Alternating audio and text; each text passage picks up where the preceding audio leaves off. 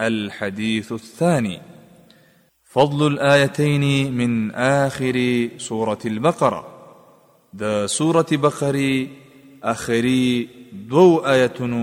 فزلت عن أبي مسعود رضي الله عنه قال قال النبي صلى الله عليه وسلم من قرأ بالآيتين من آخر سورة البقرة في ليلة كفتاه د ابو مسعود رضی الله تعالی عنه څخه روایت دی فرمایي نبی کریم صلی الله علیه وسلم فرمایلی دی چا چې د سورة بقری آخري دو آیتونه د شپې ولوستل نو دا به د ده لپاره کافي شي دا حدیث امام بخاری او امام مسلم په خپلو صحیحینو کې ذکر کړی دی د دې حدیث راوي عقبه ابن عمر ابو مسعود الانصاري رضی الله تعالی عنه مشهور صحابي دی کله چې د دوهم ځل لپاره د مدینی خلکو د نبی کریم صلی الله علیه وسلم سره بیعت کولو نو دا هم په دغه بیعت کولو کې موجود او د عمر په لحاظ سره په دوی کې کوم عمر و او همدارنګه د نبی کریم صلی الله علیه وسلم سره د احد په غزا کې او په هغه ټولو غزاګانو کې چې د احد د غزا نه رستو واقع شوي دي شریک شوی دی او بیا په رستو زمانه کې کوفې ته لاړو او هلته اوسېدلو کله چې علي رضی الله تعالی عنه د صفین جنګ ته تللو نو دا یې د خپل جانشین په توګه په کوفه باندې امیر مقرر کړ او د ده مسند په یو سلو دوه احادیثو باندې مشتمل دی او په کال یو څلوېښت هجري په مدینه کې وفات شو او په دې اړوند باندې څه نور اقوال هم شته دی من فوائد هذا الحديث د دې حدیث د فوائد څخه اول د دې دوه آیاتونو لوستل هر شپه د نیکبختۍ سبب دی او په دې سره انسان د هر شر او بدبختۍ نه بچ کیږي دوهم، د دې آیاتونو په لوستلو سره د مسلمان بنده په خپل رب باندې یقین او باور زیاتیږي. دریم، د مسلمان لپاره باید ده چې دا دواړه آیاتونه په یادو زده کړي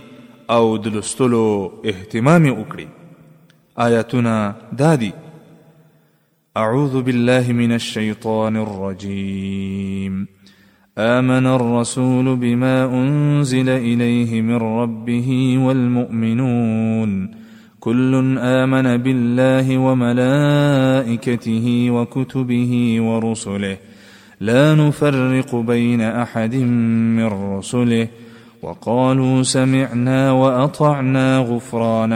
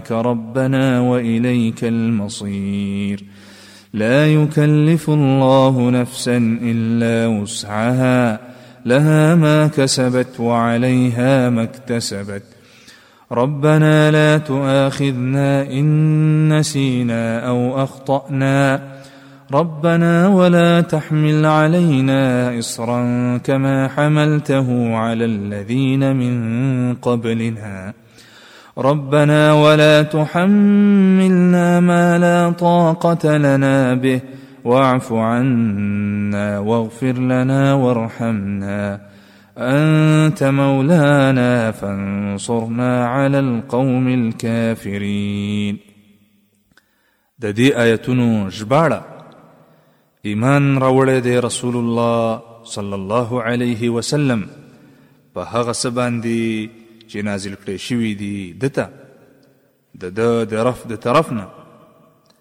او مؤمنانو هر یو ایمان راوړی دی په الله تعالی او په ملائکو د هغه او په کتابونو د هغه او په رسولانو د هغه وای دوی جدائی نه کوو په ایمان راوړلو کې په من د هیڅ چا کې د رسولانو د هغه نه وای دوی واورېدلو من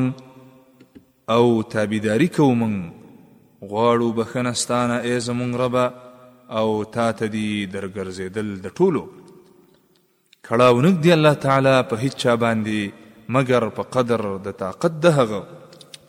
د لره ثواب د هغه نیک عمل دی چې د کړی وي او په د باندې تاوان د هغه بد عمل دی چې د کړی وي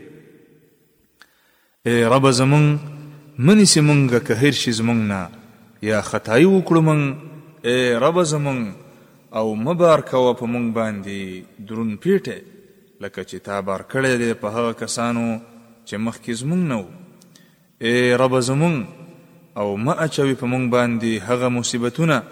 چې طاقت نشته مونږ لره د هغې او معافي وکړي زمونږ نه او بخښنه وکړي مونږ ته او رحم وکړي په مونږ باندې ته مولا زمونږي پس غلبه راکړي مونږ ته په قوم کافرانو باندې